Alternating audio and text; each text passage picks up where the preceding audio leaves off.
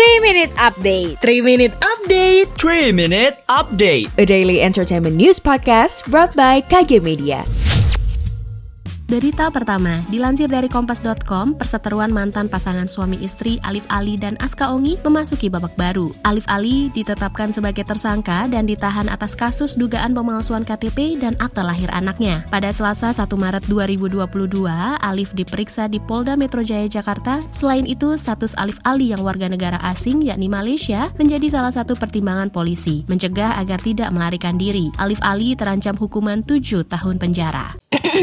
Tes? Oke, aman nih kayaknya.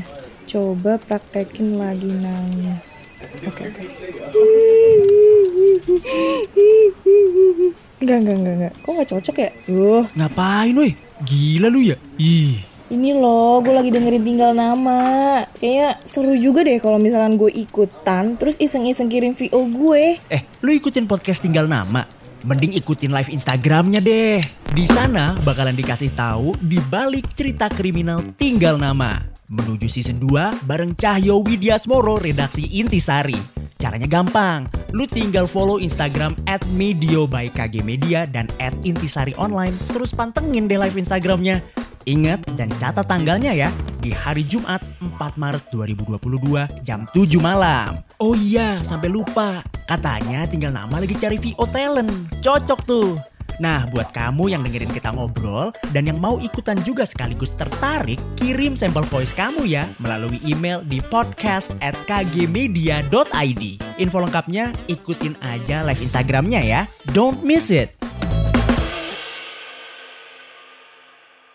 Kita beralih ke berita selanjutnya. Dilansir dari grid.id, Suga BTS memberi saran kepada para penggemar yang tengah disibukkan berburu tiket konser Permission to Dance on Stage. RMCS telah dikonfirmasi akan menggelar konser Permission to Dance on Stage di Las Vegas, Amerika Serikat pada 8 April mendatang. Suga pun memberi saran kepada ARMY. Ia mengatakan bahwa penggemar masih bisa menyaksikan konser BTS secara online jika mereka tak bisa melihat pertunjukan secara langsung.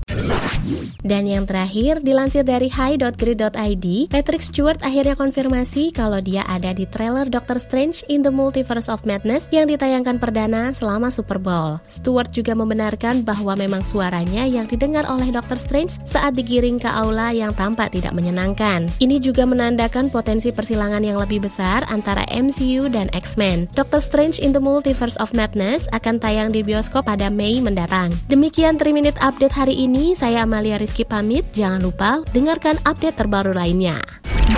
Sekian update malam ini Sampai ketemu di 3 Minute Update selanjutnya